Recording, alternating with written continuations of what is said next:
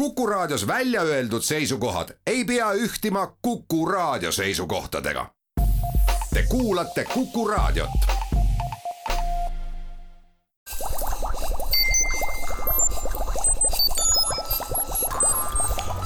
kukkuv õun head Kuku kuulajad, Kuku Õun eetris. meil on täna külas Jaan Tallinn, ma ei teagi isegi, mis maailma otsas see on, võib-olla ütled ise, kus maailma otsas sa praegu oled, kust me nii-öelda ühendust saime? olen äh, kummalises kohas nimega Kakumäe täitsa Eestis. Äh, mina saatejuht Marek Strandberg ja loomulikult, nagu te arvata võite, tuleb juttu tehisintellektist. natuke ka taustast, et sa, saan aru, oled hakanud ikkagi üsna varajaselt juba programmikoodi kirjutama. kas on sul ka teada, mis on see põhjus, et miks sind niimoodi arvutite ja koodide poole tõmbama hakkas? No raske täpselt öelda, aga ma arvan, et äh, üks asi, mis mul on alati nagu resoneerinud, isegi enne arvuteid, on mingisuguste maailmade ehitamine. näiteks enne, enne arvutite juurde jõudmist disainisin lauamänge. Äh, et just, et teha mingisuguseid, äh, mõelda välja mingeid huvitavaid reegleid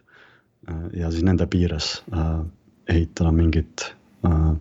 universumit, mulle kogu aeg meeldinud no lauamängud ju mõjutavad inimest märkimisväärselt, panevad neid äh, inimesi siis, kes nendega puutuvad, tegema teatud toiminguid. kas, äh, kui oletan nüüd, et seesama üsna varaselt juba, ma arvan, üle kümne aasta tagasi, kui sa esimest korda hakkasid kõnelema sellest, et juhul, kui infotehnoloogia areneb väga-väga äh, jõuliselt ja piltlikult öeldes siis programmikoodid hakkavad iseend kirjutama, võib see inimkonnale ohtlik olla. kas see teadmine või adumine pärineb sealtsamast, et äh, nä-, nä-, nähes seda, kuidas lauamäng haarab inimest kaasa, äh, tekkis selline selge tunne, et jah, et sama võib juhtuda ka juhul, kui tekivad koodid ja masinad, mis on väga võimekad äh,. ei. ei, aga mis aga mis on ja see ma... nii-öelda, mis on see siis selle, no kuidas ma ütlen, sellise ähm, singulaarsusfenomeeni, mis siis sellist masinate ülemvõimu tähendab äh, adumise põhjuseks? jah, ma oleks nagu uhke, kui ma oleks piisavalt tark ise olnud, et, et seda, seda ära jagada, aga ei olnud. Äh, et see oli vist aasta kaks tuhat seitse, kaks tuhat kaheksa, kui ma hakkasin nagu Skype'i kõrvalt vaatama, et mis mujal, mis muud maailmas toimub ja sattusin sellise äh, noore mehe nagu, toona noore mehe siis Eliezer Jutkowski äh, kirjutiste peale, ta on kirjutanud äh, umbes tuhat või isegi rohkemgi esseed sel teemal, et miks ai on ohtlik ja miks inimesed ei saa aru, et see on ohtlik. ja, ja siis ma ühel hetkel saan aru, et ta kirjutab kiiremini, kui mina loen ja kirjutasin talle kahe tuhande üheksanda aasta alguses, et, et kuule, et mul on väga sügava mulje jätnud su jutt, et, et saaks äkki kokku. ja siis kohtusime umbes täpselt neliteist aastat tagasi, kaks tuhat üheksa märtsis ühes kõledas California kohvikus ja rääkisime neli tundi ja peale seda mul oli selge, et okei okay,, see on ilmselt kõige olulisem teema, mida inimkond praegu ei tähtsusta. ja, ja peale seda tegin oma esimese filantroopilise heategevusliku annetuse äh, ja nend just Eliaseri organisatsioonile ja mõtlesin, mida, kuidas ma kaasa aidata saan ja üks viis, kuidas, ma, mis ma leidsin, et mida ma teha saan, on see, et just võtta need veidrana kõlavad argumendid ja siis oma Skype'i tausta ja sellega kaasnevat legitiimsust kasutades seda üritada nii-öelda maha müüa erinevatele inimestele, kes sel teemal midagi kuidagi kaasa aidata saaksid. ja selle tulemusena konkreetselt tekkiski nii see Cambridge'i uurimiskeskus Center for the Study of Existential Risk äh, ja siis teine Cambridge'i keskus, äh, mis on äh, siis Cambridge'is Ameerikas, Future of Life Institute, mis siis viimase, viimase paari nädala sündmuse, sündmuste taga on no samas need viimase paari nädala sündmused on seotud asjaoluga, et väga võimsa tehisintellekti arengut peaks mõneks hetkeks pausile panema, et inimesed saaksid äh, seda üle ja läbi mõelda. noh, toona, kui me rääkisime esimest korda pikemalt, oli siis eelmise neljapäeva hommikuks kuuskümmend tuhat allkirja. palju praegu on allkirju kogunenud? ma nüüd ei ole paar päeva vaadanud, kuna ma olin reisil. Äh, enne reisi see on siis eelmise nädala lõpus vaadates oli kaheksakümmend tuhat, aga selle, seal on nagu selline nüanss, et seal on paljud, on paljud inimesed, kuna see äh, allakirjutamisprotsess seal on nagu reaalajas ei toimi, siis nad on kirjutanud mitu korda alla sinna. nii et neid unikaalseid allkirju oli, äh, kui ma vaatasin, oli viiskümmend, viiskümmend kuus tuhat. aga, aga samal käib hetkel just käib planeerimine, kuidas teha nagu see allkirjasüsteem ümber ja võimsamaks, nii et, et, et see ei jääks mingisuguste siis nagu meie organisatsiooni poolse, kuna meil Future Life Instituudil on äh, selge kogemus äh, selliste avalike kirjadega, me oleme neid teinud mitmeid varem, aga probleem on selles, et need kõik on olnud alla tuhande inimese, kes on alla kirjutanud. ja et nagu sellist asja me ei ole kunagi kogenud, et nüüd oleme sellise tehnilise, tehniliste väljakutsete eest, kuidas, kuidas seda süsteemi paremini teha. no sellise ettevõtte nagu OpenAI omanik või seotud inimene, näiteks Bill Gateski ütleb, et no tema näiteks ei näe mingit põhjust, et miks seda, miks seda arendamist peaks seisma, seisma jätma, sellepärast et seesama nii-öelda üks küll mitte veel vist, ma oletan, nii ohtlikuks muutunud chat GPT oma ülimates versioonideski ei ole veel see singulaarsust põhjustav äh, tehisintellekt, aga mõned inimesed on kuidagi nagu uljad, tahavad mängida. millest see? Seal ongi nagu selline fundamentaalne probleem, et iga järgnev generatsioon nendest äh, suurtest keelemudelitest on kompetentsem. seetõttu on äh, nende ehitajatel tugev motivatsioon kogu aeg ehitada järgmine generatsioon, aga samas nagu need ehitajad ise tunnistavad ja nüüd just äh, täna nägin, tuli välja Ameerikas küsitlus, kus kohas lausa seitsekümmend protsenti inimestest, küsitletud inimestest on poolt selle pausi panemisele Äh, et nagu nad ise tunnistavad ja nagu laial, laialdane üldsus tunnistab, on see, et, et see on mõttes mäng, mäng tulega, et me ei tea, et mitu generatsiooni me võime veel niimoodi teha, et, et me ehitame sellise põhimõtteliselt kontrollimatu, ma ei oskagi eesti keeles öelda, mind, äh, kontrollimatu. mõistuse, adumise ja, aju, kuidas iganes jah. jah, kontrollimatu mõistuse, ehitame kontrollimatuid mõistuseid lootuses, et nad ei ole piisavalt targad, et aru saada, mis toimub ja seetõttu kontrollime neid seeläbi, et nad on äh, siiski veel välja lülitatavad.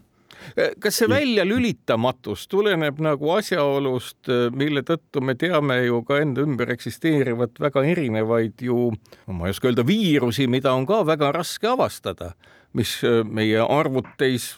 pigem halba kui head teevad ja et kas siis ka see keelemudel on siis hüpoteetiliselt nii osav, et paljud seosed, paljud kommunikatsioonid, paljud plaanid suudab ta ära varjata inimese eest just sel moel? jah, seal on nagu kaks sellist suurt äh, erinevat äh, põhjust, mispärast neid on äh, raske välja lülitada äh,, potentsiaalselt raske välja lülitada äh,. üks on see, et nad võivad lihtsalt nii palju, nii levinuks saada, et äh, siin hiljuti oli just äh, juhtus selline asi, kus kohas äh, Meta või siis Facebook tegi avalikuks oma äh, suure mudeli, mida peale siis äh, kogu avatud lähtekoodi seltskond võttis selle kätte ja hakkas seda optimeerima, nii et, et praegu on võimalik seda jooksutada juba, juba Mac, MacBook arvutitel. et, et see võib sealt nagu selline olukord kus, tekkida, kus kohas on tekkinud selline laialdane levik ehk inglise keeles proliferation ja neid ei ole võimalik enam nagu tagasi, tagasi pudelisse, džinni ei ole võimalik tagasi pudelisse toppida, see on üks võimalus. ja teine võimalus on see, et, et jällegi, mida targem on süsteem ja noh, praegu süsteemi treenitakse tegelikult äh, interneti baasil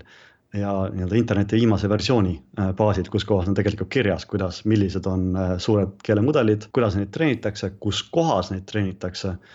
mis nagu, mis operatsioonisüsteemidel neid treenitakse, millised on tüüpilised turvaaugud nendes operatsioonisüsteemides. et tegelikult nagu kõik see info on nagu kandikul antud nendele treenitavatele mõistustele. Et, et neil on lihtsalt, praegu me loodame seda, et nad on piisavalt rumalad, mitte aru saada, et mida nad teha saavad selle informatsiooniga. Aga põhimõtteliselt nii-öelda seesama nähtus, mis peaks meid tegema ettevaatlikuks et keele, kultuuri ja inimkäitumise jaoks tundub olevat, kui ma nüüd õigesti aru saan, et enamus sellest, mida me peame väga unikaalseks, ei tulegi millestki muust kui sellest, et meile räägitakse ja räägitakse vanemate poolt koolis ja igal pool kõikvõimalikke tekste ja me teeme ju ise täpselt sama asja. me räägime mõtlemata iga sõna juures, vaid suutes neid sõnu ette ennustada ja saamegi teksti ja kultuuri ja käitumise ja selle sarnasus tehisintellektiga on niivõrd suur, et see peaks meid nagu ettevaatlikuks tegema igal juhul. just nii ja võtaks veel täpsustada, see mitte just nagu üldiselt tehisintellektiga, kuna tehisintellekt kui nagu valdkond on läbinud selliseid äh, selgeid äh, koolkonnavahetusi ja need koolkonnad kahjuks on kõik läinud niimoodi, et järjest rohkem sellise nii-öelda musta kasti fenomeni suunas, et alustades seal kaheksakümnendatel aastatel ekspertsüsteemidest, kus oli nagu väga selge, mispärast masin teeb otsuseid ja kuidas, mis on nagu selle musta kasti sees. ühel hetkel tuli nii-öelda supervised learning, kus kohas masinale anda ette, et näed, et see on, see on, mida inimesed arvavad ja nüüd katsu seda enda arvamust samasuguselt kujundada ja praegune koolkond on siis unsupervised learning, kus kohas masinal tegelikult midagi ette ei anta, lastakse, lastakse seda lihtsalt õppida. antakse tohutult äh, teksti, nii et, et see ja see sarnasus äh, on just nagu, või see probleem, mida sa tõstatasid, on just eelkõige selle viimase generatsiooni äh, suurte keelemudelite äh, probleem, kus kohas me tegelikult ei taip-, tegelikult ei oma erilist aimdust äh,, mis seal toimub. mul just siin teises aknas on lahti selline selline teadusartikkel nimega Eight things to know about large language models. Äh, kaheksa asja, äh, mida sa peaksid teadma äh, suurte keelemudelite kohta, mille autoriks on Samuel Bauman, kes on Anthropicus ja New York, siis New Yorgi ülikoolis, NYU-s ja sealt, seal on just nagu asjad. loe sealt ette need asjad, siis on kuulajal ka olemas, et ma ei pea hakkama vahele ja, lugema. lennult, lennult tõlkima, mida ma ilmselt teen kehvemini kui keelemudel et esimene asi, et Äh, need keelemudelid saavad äh, järjekindlalt targemaks, mida rohkem sa investeerid äh, nende treenimisse, ilma et neil oleks vaja mingisugust inimese poolt nagu lisainnovatsiooni sinna lisada, et, et on lihtsalt paned suurema, rohkem graafikakaarte ja saad targema, targema mudeli, kompetentsema masina. teiseks on see, et need paljud olulised käitumised, mida need keelemudelid oskavad, tulevad meile üllatusena. Äh, ja mõnikord on nii, et läheb aasta või rohkem aega, enne kui me aru saame, mida ta tegelikult oskab. kolmas asi on see, et äh, keelemudelid tihtilugu saavad, neil tekib nagu mõistmine sellest, mis maailmas toimub. Äh, ilma, et me oleks nagu selliselt eksplitsiitselt neid selles, selle kohta, selles osas õpetanud. Ja kõik need väited on kaetud siin nende nagu teadusartiklitega. siis neljas, et ei ole praegu teadaolevalt ühtegi äh, tehnikat, millega oleks võimalik äh, nagu kindlustundega äh, keelemudeleid juhtida ja keelemudeleid kontrollida. viies, eksperdid ei saa praegu veel aru, mis keelemudelite sees toimub. kuues, inimvõimed ei ole keelemudelite ülempiiriks, et järjest rohkem lähevad, järjest rohkemates valdkondades lähevad keelemudelid inimoskustest mööda praegu. seitsmes keelemudelid, äh, keelemudelite nii-öelda väärtushinnangud äh, ei pruugi langeda kokku nende keelemudelite treenijatega. Äh, kaheksas on see, et LLM või keelemudelitega kokkupuuted inimestel on tihtilugu tekitavad väärarusaama selle kohta, mis, mida keel, mida keelemudelitele sees tegelikult toimub. Ja mis keelemudelid on. siinkohal teeme saatesse väikese pausi ja kuulake meid pärast vaheaega edasi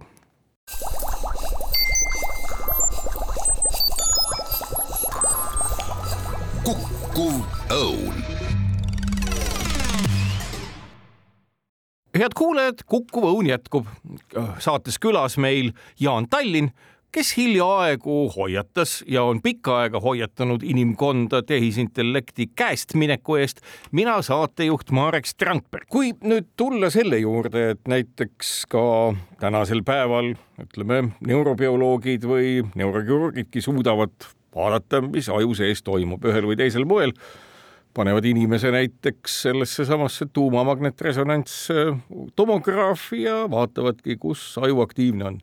kas meil täna on olemas analoogne võimekus näiteks kõikide nende keelemudelite internetisüsteemis üleüldse jälgida teatud aktiivsuse kulgemist kõigis nendes kanalites ja püüda aru saada, mis laadi aktiivsus ühes või teises serveris või serverite grupis toimub või inimene on täna ikkagi võimetu aru saama ja kirjeldama seda protsesside voogu ja hulka mis ta enda loodud võrkudes ja serverites toimub? Äh, mingil määral kindlasti on ja see on väga selline hetkel suurepärane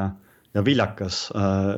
uurimissuund, mida nagu selline nagu headeks äh, sellisteks juhtfiguurideks on mul mõlemad on mul tuttavad. Chris Ola äh, Anthropicus äh, ja Neil Nanda, kes on ka mitmes, mitme laboratooriumiga seotud olnud. ja just Neil Nanda kirjutab, ta vist kirjutas hiljuti sellise artikli, kakssada lahendamata probleemi, kaheksa, kakssada avatud küsimust sellisel teemal nagu mechanistic interpretability, mis on just see nii-öelda digitaalne neuro, neuroteadus, kus kohas sa võtad treenitud närvivõrgu ja siis hakkad talle nagu teda avad, teed nagu kolju lahti ja vaatad, mis seal, mis tal ikkagi täpselt sees toimub, mis algoritmid on need, mida nad, mida ta üritab lähendada ja mis äh, osad annavad sulle neid vastuseid ja seal on nagu väga-väga huvitavaid avastusi tehtud juba äh, viimaste kuudega tegelikult. ja see on üks kõige viljakamaid äh,, kõige tähtsamaid, ma ütleks, teadussuundi hetkel maailmas üldse. oskad sa öelda tulu... välja mõne asja, mis tundub nii-öelda sulle endale selline, et ohoh, et kuidas nüüd nii läks? ja näiteks Neil Nanda just hiljuti vaatasin tema artiklit, see oli see, kuidas ta vaatas seda, kuidas närvivõrk, siis suur keelemudel õppis mängima Othello äh, mängu, sellist lauamängu. On vist lauamäng uh,, ma ei ole ise teda kunagi mänginud. Ja ta õppis seda lihtsalt käigu, ma ei oska jälle eesti keeles öelda, transkriptida. käi-, käi-, nagu nende, ühesõnaga, et mis, kes käib kuhu, kuhu kohta, ilma mingi, lihtsalt teksti tekstilised mängukirjeldused nende põhjal. Ja piisavalt neid teksti, tekstilisi mängukirjeldusi läbi vaadanuna Neil Nanda avastas sellest närvijõrgu seest tegeliku selle äh, mängulaua kirjelduse, et ühesõnaga see närivõrk lihtsalt lugedes Äh, mängukirjeldusi, oli aru saanud sellest, milline see mängulaud välja näeb. ehk siis talle tekkis nii-öelda maailmamudel selle kohta, milline on äh,, ühesõnaga, mis, mis nupud kus kohas asetsevad. kas võib vastata tõele, et sama asja on täheldatud ka male puhul, et äh, ka malekäike jälgides õpib masin nii-öelda tegema midagi malelaadset, veel mitte täiesti perfektselt, aga siiski? ja, ja noh, empiiriliselt seda nagu sa võid võtta praegu üks, ükskõik millise keelemudeli ja, ja ta mängib sulle mingil tasemel vanet. Othello on lihtsalt nagu lihtsam mäng, nagu ma aru saan, ja seda on lihtsalt, lihtsalt nii-öelda ajust, ajust välja kaevata. Äh, et seda ma ei tea, kas male kohta mingi analoogset uh, mechanistic interpretability tulemust on. ma saan aru, mida sa mainisid just, et äh, väärtushinnangud keelemudelil puuduvad. kas nüüd ma saan aru sellest, et see pausile panek tähendab paljuski ka seda, et kõiki neid riske, sealhulgas ka väärtushinnangute puudumist kuidagimoodi üritada siis keele keelemudelitesse integreerida või seda muul moel kompenseerida, et nad ei muutuks oma järeldustes nii inimese enda jaoks kui ühiskonna jaoks siis ohtlikuks. jah, äh, selle, nagu seal kirjas tegelikult öeldud ka on, on, oli selle kirja mõte lahendada nii-öelda collective action problem, mis on siis see, et, et äh, kui sul on äh, mingi mitu tegijat ja nad kõik on põhimõtteliselt nõus mingisuguse,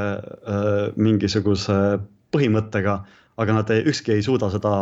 omapäi järgida, et nad peavad kõik, kõik koos selle, selle nagu koordineeritud tegevuse tegema, et, et aidata neid äh, laboratooriumi seda teha. ehk siis täpsemalt öeldes või konkreetsemalt öeldes praeguse ehk siis GPT-4 tasemel mudelid on juba niivõrd tugevad, et nendele saab ehitada ärisid ja, ja neid on nagu majanduslikult äh, võimalik äh, rakesse panna. aga nagu, et ehk, ehk siis mõnes mõttes on selline viljakas hetk, kus kohas lasta nagu laboratooriumitel raha teha, ai ettevõtetel raha teha ja samal ajal anda aega just nimelt Neil Nanda sugustele ja teistele, loodetavasti neid tekib veel, äh, teadlastele uurida seda, et kuidas äh, need keelemudelid, siis need tulnukad põhimõtteliselt, kes meie seas nüüd on, kuidas nad toimivad ja kuidas neid paremini kontrollida saaks, kuidas neile paremini anda väärtusi, aga, aga nagu selle juures probleem, miks see nagu, miks see nagu vaikimisi selline olukord ei teki, on see, et, et laboratooriumid tunnevad üksteise poolt konkurentsisurvet, et kui nad kohe ei hakka arendama järgmist, kohe ei hakka treenima järgmist tulnukate generatsiooni, siis äh, lihtsalt teised lähevad neist mööda, et, et on vaja tekitada just selline kollektiivne paus ja, ja sellel on noh, siiamaani ma olen saanud selliseid vasta, vastakaid äh, signaale laboratooriumitelt, aga me tegeleme äh, sellega, et, et nüüd kuidagi koordineerida seda, selle pausi konkretiseerimist või pausi sellist operatsionaliseerimist. kuna on paralleele tõmmatud väga tugevalt tuumarelva ja tuumatehnoloogiaga, just nimelt relvatehnoloogiaga, siis äh, kas see peaks tähendama ka seda, et mõned rahvusvahelised lepingud, mille sisu me väga raskelt, eks ole, pigem ette kujutame, võib-olla sa paremini räägi siis sellest, et peaksid siis kogu seda tehisintellekti arengut ja kasutamist mingil moel reguleerima. kas see vastab tõele, et selline asi võiks võimalik olla? jah, see juba, ma olen juba üle, üle kümne aasta tegelenud selle teemaga ja üldine arvamus on kogu aeg olnud sellises nagu ai turvaühiskonnas, et ja sellises uurimiskogukonnas, et me peame nagu selle tehnilise poole lahendama, et tehniline pool tundub olevat lihtsam kui, kui valitsustega rääkida. ja praegu on jõudnud tõdemus, oleme jõudnud tõdemuseni, et, et okei okay,, tehnilise lahendusega me hakkama ei saa, et on vaja rohkem aega ja nüüd nagu on plaan B, et, et okei okay,, räägime siis valitsustega ja tundub, et see läheb nagu palju paremini, kui, kui inimesed oleks äh, võib-olla viis või kümme aastat tagasi ennustanud. ehk äh, ja näiteks, näiteks võib-olla tooks just hiljuti kuulasin äh, Google'i juhi Sundar Pichai, Sundar Pichai äh, podcast'i New York Timesi Hard Fork'iga, kus ta täpselt niimoodi ütles, et on, ta tunnistab äh,, et tõesti ai võib olla potentsiaalselt väga riskantne ja, aga ta näeb, et oleks vaja just nimelt valitsuste poolt sekkumist, et, et nagu selline ise äh, omaalgatuslik äh, enesekontroll tundub väga raske olevat äh, laboratooriumitel. nüüd valitsustel, kui lihtne neil üldse on sellesse sekkuda, sellepärast et ega ju valitsuses arusaam, valitsuse ambitsioonid on ju sellise üsna raskelt ka asjatundjale kirjeldatava nähtusega nagu tehisintellekt, et nende hoovad näivad olevat ju väga kaudsed. kui palju üldse on valitsusi, kus võib öelda, et saadakse sisuliselt aru tehisintellekti olemusest, selle kasutamise riskidest? jah, no selliseid valitsusi põhimõtteliselt ei ole, aga noh, loomulikult on igas valitsuse juures inimesi, kes, kellel on nagu parem arusaamine kui, äh, kui võib-olla mingitel riigijuhtidel. ja teine asi, mis äh, nagu õnneks nende keelemudelite juures on, et äh, natukene on sarnane olukord tuumarelvadega, kus kohas on nagu kaks faasi, mis, mida on vaja kontrollida, üks on see uraani rikastamise faas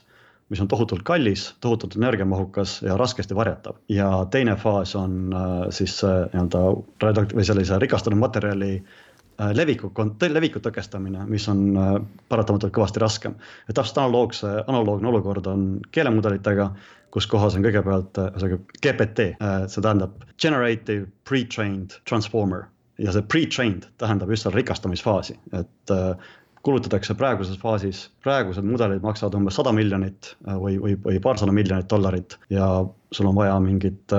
kümneid tuhandeid tippgraafikakaarte mis kulutavad võib-olla kümmekond megavatti mitu kuud järjest. et see on asi, mis, mis on A valitsustele arusaadav, äh, et, et, et on vaja kontrollida selliseid tohutuid, ma nimetan ai gain of function eksperimente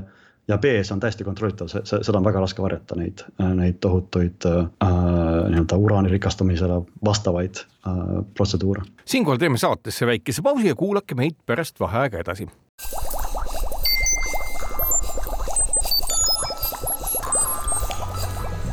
Kukkuv õun. head Kuku kuulajad, Kuku Õun jätkub saates külas Jaan Tallinn, mina saatejuht Marek Strandberg ja räägime tehisintellektiga seonduvatest probleemidest. nüüd, kui minna edasi ja mõelda selle peale, et jah, tõesti ka vastasid kunagi mu küsimusele selle kohta, et kas Hiina või sellised riigid, et on ka potentsiaalsed kohad, kus sellist tehisintellekti arendatakse ja ütlesid, et ja, äh, nad pigem kardavad selle arendamist, aga samas ju me võime ette kujutada, et äh, eks nad vaikselt ikka seda arendavad. Me näeme seda, kuidas Põhja-Korea ju täiesti mõnes mõttes agraarmaa ja kummaline riik on suuteline tehnoloogiliselt tuumamaterjali rikastama, pomme ehitama. kas me võime ette kujutada, et eh, sellised totalitaarsed valitsejad võivad omada ikkagi sellist ettekujutust, et ja-ja, et mitte kõigi jaoks, aga ainult meie välja valitute jaoks me võtame sellise süsteemi kasutusse, me püüame seda arendada kusagil koobastes sügaval mäe sees, et keegi ei näe, et me kasutame kümneid megavatte energiat jooksvalt mingite kokku varastatud siis graafikakaartide jooksutamiseks. kas mingi selline oht eksisteerib? no eksisteerib ikka jah, ma, ma seda ei saa öelda, et, et ei eksisteeriks aga samas on nagu olulisi nüansse sealjuures, üks on see, et, et jällegi nagu need kaheksa probleemi, äh, mis äh, suurtel keelemudelitel on, nad kõik on asjad, mida, mis nagu autoritaarsetele riikidele ei meeldi. ja seal oli näha ka sellisest äh, nagu Hiina ettevõtte Baidu ne,, nende demonstratsioon äh,, nende oma suurest keelemudelist äh, oli esiteks äh, oluliselt nõrgem äh, kui äh, chat-GPT näiteks ja B-s oli kõik eelsalvestatud, seal ei olnud ühtegi interaktiivset elementi ja põhjuseks on see, et nad ei ole kontrollitavad, et ja nagu ma kuskil ühes foorumis ütlesin, et, et Hiinas, kui sa oled tehnoloogia juht või, või äh, tehnoloogiaettevõtte juht, eks. ja sa lased lahti sellise mõistuse Hiinas äh,, mille ütlemise sa ei kontrolli, siis sa lihtsalt võidakse tänavalt sind ära koristada. et, et see lihtsalt ei ole inimesed saavad, nagu nii palju, kui ma Hiinas olen käinud, seal ei ole nagu väga rumalad inimesed, et, et nad saavad aru, et, et, et, et see on väga riskantne lasta lahti selline mõistus, mida, mida ei kontrolli. ja teine asi, mis on oluline nüanss, on see, et äh, eelmine aasta kuulutasid ameeriklased hiinlastele sanktsioonid, äh, et Äh, sinna Hiinasse on nüüd oluliselt raskem äh, eksportida viimase taseme arvutikiipe, mida siis on vaja tehnilise intellekti treenimisel just nimelt sellel uraani rikastamisfaasis ja veelgi enam seadmeid, millega võimalik neid konstrueerida, et isegi kui hiinlased tahaksid hakata endale teha kodus, kodutööstust, äh, siis on nagu Hollandi masinaid ja Hollandis on äh, firma nimega ASML, mis neid, äh, mis on tegelikult ainu, ainukene koht maailmas, kus kohas toodetakse tipptasemel kiibi valmistamise tehnikat. aga ambitsioon, ma, ma mõtlen just seda, ambitsioon hiinlastel on ju meeletu kiibitehnoloogias järgi jõuda, nad on osavad, et kas me oskame ette kujutada, et pikalt läheks aega, et nad suudaksid samasuguseid kiibistruktuure projitseerivaid seadmeid nagu hollandlased toodavad ise tegema hakata, läheb sinna kümme aastat, viis aastat ja. või veel rohkem? nii palju, kui ma olen ekspertiga rääkinud, seda sellist asja nagu alla kümne aasta ei tee, et, et et kui sa hakkad nii-öelda nullist pihta, et, et need masinad on praegu niivõrd keerulised ja seal on nii palju sellist. oskusteavet. oskusteavet, mida sa ei saa niisama ilma selleta, et sa inimesi üle ei osta, mida noh teoreetiliselt nad võivad teha, eks, aga praktikas on ikkagi keeruline, ma arvan. et seda oskust teavad, isegi, isegi Ameerikas on keeruline seda, seda nagu teha, ameeriklased praegu kõvasti üritavad luua kodust, kodumaist äh, tööstust äh, siis Taiwan'i TSMC, mis tegelikult praegu varustab vist kaheksakümmend või üheksakümmend protsenti maailma kiipidest. ja taiwanlased on sellised, ma olen kuulnud, äh, sellised natuke muhelevad, ütlevad, et noh, nad võivad proovida, aga no vaatame, mis sellest saab sellepärast, et see on ikka tõsine valik, mis kunagi ammusel ajal tehtud sai Ameerikas Inteli poolt ja Taiwanil siis äh, see ettevõte, mis seal on, hakkas õige varakult peale ja see on selline akumuleerunud kogemus. täpselt ja Intelil kahjuks äh, on see kogemus nagu järjest äh, nõrgenenud, ta ei ole nagu jõudnud nende selle, selle võidujooksuga kaasas käia ja seetõttu on just taiwanlased nagu selgelt praegu endale edumaa loonud. et Taiwan ja Taiwan'i TSMC ja siis Korea Samsung on need, kes on praegu, praegu praegu selgelt nagu esirinnas. nüüd, kui tulla tagasi keelemudeli juurde, mis õpib mida vaid, eh, kas see äri võib tähendada ka seda, mida keelemudelitega teha saab, et siis nii-öelda teha projekteerimises, seadmete ehitamises sellist kõva järeleaitamist neile, kes toime ei ole tulnud ja õpetada siis kõnealust eh, mudelit või mudeleid välja just nimelt selleks, et hakata tegema neid samu kiipe projekteerivaid ja ehitavaid tööpinke ja muid selliseid asju. üldises mõttes ju ei ole nagu mina aru saan, mingi asja projekteerimine oluliselt erinev sellest rääkimisest või keelest üleüldse. jah, see on õige tähelepanek, et tõepoolest juba isegi praegu tippkiipides on päris suur, tippkiipide projekteerimisel ja nende seadmete projekteerimisel on päris suur sisend tehisintellekti poolt, küll minu teada mitte keelemudelite poolt, aga üldiselt nii-öelda optimeerimissüsteemide op, optimeer-, optimeerimisrakendused on, on seal olulises Äh, oluline komponent, et, äh, et see tõesti võib nii minna ja üldiselt, aga üldine probleem äh, nagu pikemalt ette vaadates on see, et mida rohkem me delegeerime ai ja ai-ga seonduvate süsteemide ehitust ai-le endale, seda vähem me kontrollime, mis, mis sellest lõpuks saada võib et see on, on tegelikult ka nagu, A, see on võib-olla jah, nagu võimalus nendele mahajäätajale, B, see on ka konkreetne, konkreetne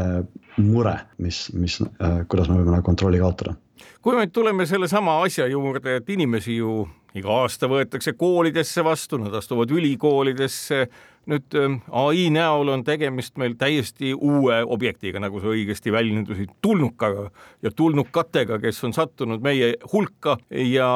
millised tunduvad olevat väga atraktiivsed ühtpidi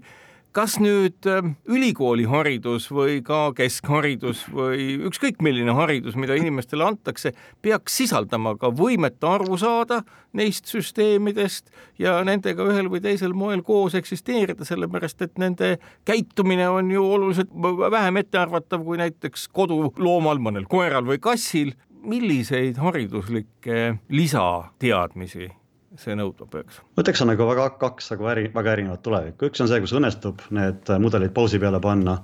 siis tõepoolest äh, lisaks nende olemasolevate mudelite uurimisele tuleks tõesti mõelda sellele, kuidas nüüd ülejäänud ühiskond, sealhulgas haridus, tööturg, poliitika, propaganda, äh, mingisugused fake, see kõik, kõik need mured, mis on tegelikult äh, juba siin pikalt üles tõstetud, mida on juba pikalt tõstatatud, kuidas neid lahendada. ja, ja mul ei ole nagu väga selliseid häid retsepte peale selle, et öelda lihtsalt, et tõepoolest nagu väga paljudel asjadel tõmmatakse nüüd taburite alt ära sealhulga haridusel. ja noh, võib-olla õnnestub panna hoopis midagi paremat kokku, ei tea. juhul, kui ei õnnestu pausi peale panna, siis on nagu see, see, mis haridusest saab, on niivõrd tühine küsimus, et, et küsimus on see, et kuidas nagu ellu jääda inim-, inimkonnal. kas see ellujäämise äh, risk on, ka siin oli ju juttu ühest äh, keelemudelist, mis imiteeris ühele mehele siis nii-öelda sõbrannat, mille peale nii-öelda mees lõpuks enesetapu tegi, kas selline kunagi kümmekond aastat tagasi tehtud film, Temake vist oli selle asja nimi, Her, kus ka samasugune konflikt ilmsiks tuli, et see võib muutuda täiesti igapäiseks äh,. jah, võib küll, et, et äh, jällegi nüüd on siis esimesed äh, nagu otsesed tehisintellekti ohvrid olemas äh,. väga huvitav asi, mis äh,, mida tasub nüüd jälgida, on see, et kuidas äh, vastutus äh, selle surmajuhtumi puhul nii-öelda jagatakse. et kas see on asi nii, et see mees ise oli süüdi, eks, või siis ikkagi selle äh, tehisintellekti tootja äh, on, on süüdi. mina selgelt olen selle poolt, et tehisintellekti tootja peab olema selles süüdi, kuna sellel on palju tervendav, tervendav mõju tehnoloogi, tehnoloogistidele, et, et, et see jah, nagu need, konkreetne näide on olemas ja tõenäoliselt siin nagu pidama ei jää, et, et see läheb, läheb palju hullemaks siinkohal teeme saatesse väikese pausi ja kuulake meid pärast vaheaega edasi.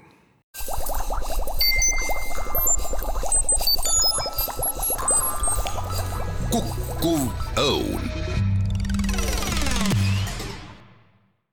Head Kuku kuulajad, Kuku Õun jätkub, saatekülaline Jaan Tallinn, mina saatejuht Marek Strandberg ja jätkame tehisintellekti probleemide ja hädade ja võimaluste ning tuleviku üle arutamist kui nüüd vaadata kogu seda tehisintellekti poolt, siis äh, testides ka sedasama chat GPT-d erineval moel, on seal tunda ikkagi teatud küsimustele vastates, jätab ta vastamata ja deklareerib ikkagi seda, et tal on mingi vastutus ja ta on ikkagi, no kuidas ma ütlen, nii-öelda mitte halva asja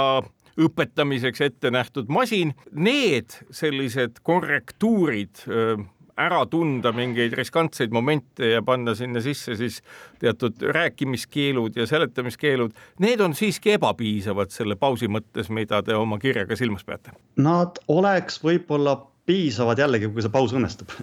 et, et see, et need praegused keelemudelid on mingisugusel teatud tasemel, neid muidugi optimeeritakse, tehakse veel, veel paremaks ja, ja samal ajal nagu õpitakse nii-öelda vigadest, et kui keegi kuskil ennast ära tapab, et siis ju nad siis nagu, eriti kui vastutus langeb sellele tootjale, siis tõenäoliselt äh, tehakse nagu, on nagu motivatsioon nendel arendajatel äh, neid selliseid vigu parandada, et, äh, et selles osas ma olen pigem ettevaatlikult optimistlik, et, et õnnestub neid praeguse taseme mudeleid tõepoolest kontrolli all hoida. aga kui me tõesti tahaksime nagu reaalselt, ma tean, sellised plaanid on olemas, äh, ehitada kümme korda, sada korda, potentsiaalselt tuhat korda võimsamaid, võimsamaid siis äh, mõistusi, siis ma olen väga-väga kahtlevad, et need praegused nii-öelda sellised meetodid, mis tegelikult on, ehk siis selle meetodi nimi on äh, RLHF uh,, Reinforcement Learning from Human Feedback, mis on põhimõtteliselt analoogne Äh,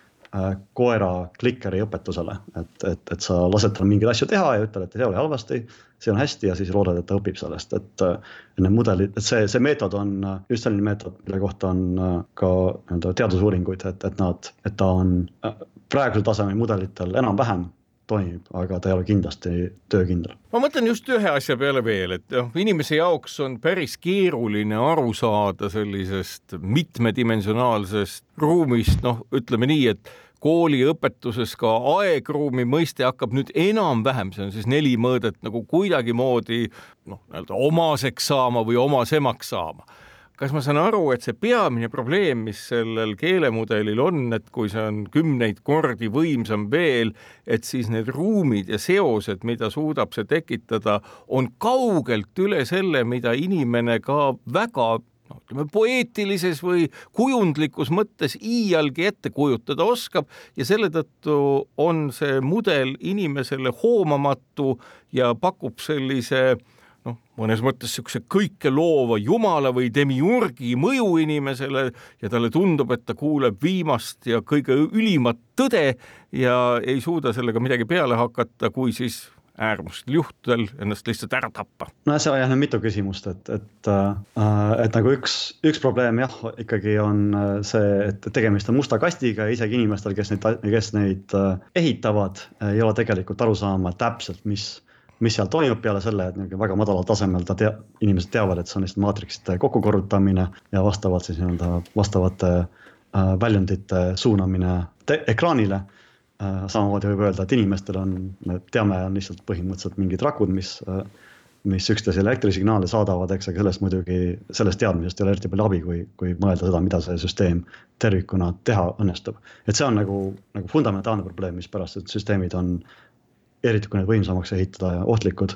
ja teine küsimus siis see, et jah, et kuidas no, tavakasutajad tunnetavad äh, neid süsteeme ja seal on tõepoolest inimesel on ajus nagu selline must kast äh,, mille järgi me üritame aru saada, mida,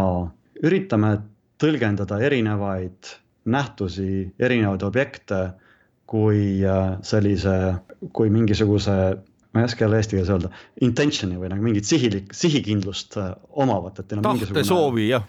just, et ühesõnaga, et, et nad on mingid süsteemid ja me üritame neile, neile panna põhimõtteliselt inim äh,, üritame neid lahti tõlgendada kui teisi inimesi. Äh, et seepärast on äh, näiteks äh, kui, kui nagu auto käima ei lähe, siis nagu taod rooli, eks, seepärast üritad, üritad nagu autole autole selgeks teha, et nii ei ole ilus käituda, eks, ja see on nagu tegelikult, see on tahtmatu käitumine tänu sellele, et meil on ajus selline moodul, mis üritab äh, alati nagu teisi keerulisi süsteeme tõlgendada nagu teisi inimesi. kas sinu sõnum on see, et see, mida inimesed on kokku pannud, isegi kui nad on inimesed, kes on kokku pannud mingisugused noh, ütleme intellektuaalselt toimiva süsteemi, siis see, mis on kokku pandud, on kaugel sellest, mis on inimene ise. Äh, ja väga kaugel, äh, et äh, noh, see jällegi sõltub täpselt, mida, kuidas seda defineerida, et kui kaugel, et kui lihtsalt defineerida selle järgi, et mida ta on suuteline teha, tegema, siis äh, paljudest asjadest ta on juba äh, mitte kaugel, vaid kaugenev. Ehk ühesõnaga, ta on palju kõve, palju tugevam äh, inimestest juba äh,. mõned teised asjad, näiteks matemaatika ülesannete lahendamine on ta veel nõrgem äh,, tippinimestest vähemalt, ta on kindlasti tugevam mingisugustest äh, Äh, keskmisest inimesest või isegi keskmisest matemaatikatudengist ja just ta sai vist, äh, GPT-4 sai sisse äh, mingisse prestiižsesse juura, juuraülikooli, ma kahjuks ei mäleta, mis see oli, et, et nagu ülikooli eksameid ta teeb juba päris, päris hästi. Aga mis nagu oluline tähele panna, see ikka, ta on tulnukas, ta ei ole inimene ja, ja nagu need intuitsioonid, millest ma just rääkisin, et me üritame tõlgendada nii autot või, või siis mingit äh,, mingeid isegi looduslikke objekte Äh, sellisena, et neil on mingi oma mõistus ja oma tahe. Äh, et see, see instinkt nagu selgelt veab meid praegu alt, et kui me üritame neid äh, keelemudeleid tõlgendada, kui nad, kui inimeselaadseid asju, eelkõige ka seetõttu, et nad nagu räägivad inimese juttu siis nagu see on väga-väga ohtlik. kas ma püüan aru saada siis ka sellest, et asi, mida on keelemudelile, masinaile siis õpetatud, on meie enda keeleloogika aga meie enda keele loogikas siiski ei ole sees neid motivatsioone, mis teevad meist endast inimese, ehk et meie keele kasutus ise on kuidagimoodi juba selline, et see on veidi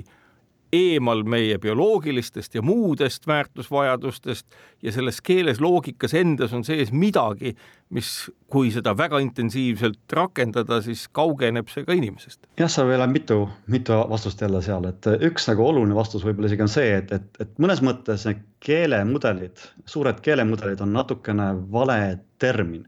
järjest rohkem äh, hakkavad nad liikuma üldise äh, selliste seeriate ennustuse äh, peale äh, näiteks praegu noh, GPT-4 näiteks on nimetatud multimodal. et ühesõnaga, et ta ei tegele mitte ainult, ainult keelega, samamoodi on pildid, videod. Äh, et ühesõnaga nagu oluline nüanss nende keelemudelite juures on see, et nad on unsupervised ehk siis neid ei pea inimesed. poputama ja jälgima jah. jälgima sel ajal, kui nad õpivad ja neile antakse lihtsalt ette mingisuguseid järjestusi, sequence'e nii-öelda token itest ehk siis mingitest äh, märkidest. Äh, ja need märgid võivad vastata siis kas siis tekstile, võivad vastata videole, vaid vastata helile. ja nende ülesanne on lihtsalt aru saada, kuna nende, neile küsitakse või nendele antakse ülesandeks ennustada, et teada seda, mis on siiamaani tulnud tekstis või helis, et katsu nüüd üritada ennustada järgmine, järgmine märk, mis siis, mille, mille tulemusena, kuna need süsteemid on võimsad, neile antakse palju arvutusvõimsust elektrit taha, siis neil tekib seesmine surve saada aru sellest, et mis universum on, kus nad on, mis on see struktuur, mis genereeris need, need nagu need märgijärjestused sest kui mõelda, siis noh, tekst tegelikult on ikkagi mingisugust füüsiliste protsesside, äh, universumis olevate füüsiliste protsesside ehk siis inimajude väljund. Äh, ja, ja, ja see üldine mudel on just see, et, et antakse mingi ports andmeid, mida meie universum on genereerinud ja lastakse mudelil aru saada see, et mille, kuidas universum oma nii-öelda südames toimib. kaks asja veel, mis juhtuks, kui tehisintellekt hakkaks õpetama lapsi, kes on sündinud? jällegi sõltub väga palju sellest, et kas meil nüüd õnnestub paus teha, kui, kui õnnestub paus teha, siis äh, see võib väga hästi minna. et võime saada lihtsalt super, super targad lapsed ja, ja võib ka muidugi untsu minna, et meil ei õnnestu äh,, õnnestu nagu sellist äh, praegust generatsiooni tehisintellektist niivõrd, niivõrd hästi rakendada, et tast rohkem kasu oleks kui kahju. ja kui ei õnnestu pausi panna, siis jällegi äh, probleem on ellujäämisega, mitte sellega, mida me, mida me selle ai-ga tegelikult teeme. ja teine küsimus kõige viimasena. nüüd kaheksakümmend vist üks aastat tagasi, kui Isaac Asimov, keemikust ulmekirjanik, defineeris robootika põhimõtted noh, millest ollakse väga kaugele eemaldunud, et robot ei tohi inimest kahjustada ja nii edasi. kas need rahvusvahelised kokkulepped peaksid tähendama seda, et see kahekümne kahe aastase Asimovi teise maailmasõja ajal välja mõeldud põhimõtted tuleksid siis kuidagimoodi riikidevahelistesse kokkulepetesse sisse kirjutada? no võib-olla midagi analoogset jah, no need konkreetsed äh, nende konkreetsete roosa nagu robootikaseaduste kohta mu tavaline ütlus on see, et nad isegi töötanud äh, romaanis selle, nende, nende point oli, nende mõte oli selles, et et demonstreerida, et, et kui sa võtad sellised lihtsustatud seadused, eks, siis, siis nad lihtsalt ei toimi. Äh, ja, ja see oli täiesti õige, õige tähelepanek äh, Isaac Asimovi poolt. et, et selgelt on vaja midagi keerulisemat ja midagi, midagi universaalsemat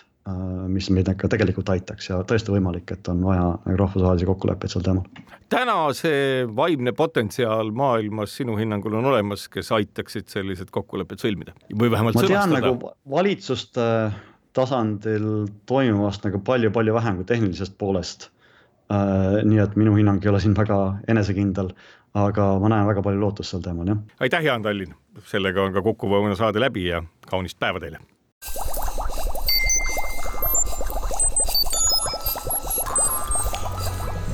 kukkuv õun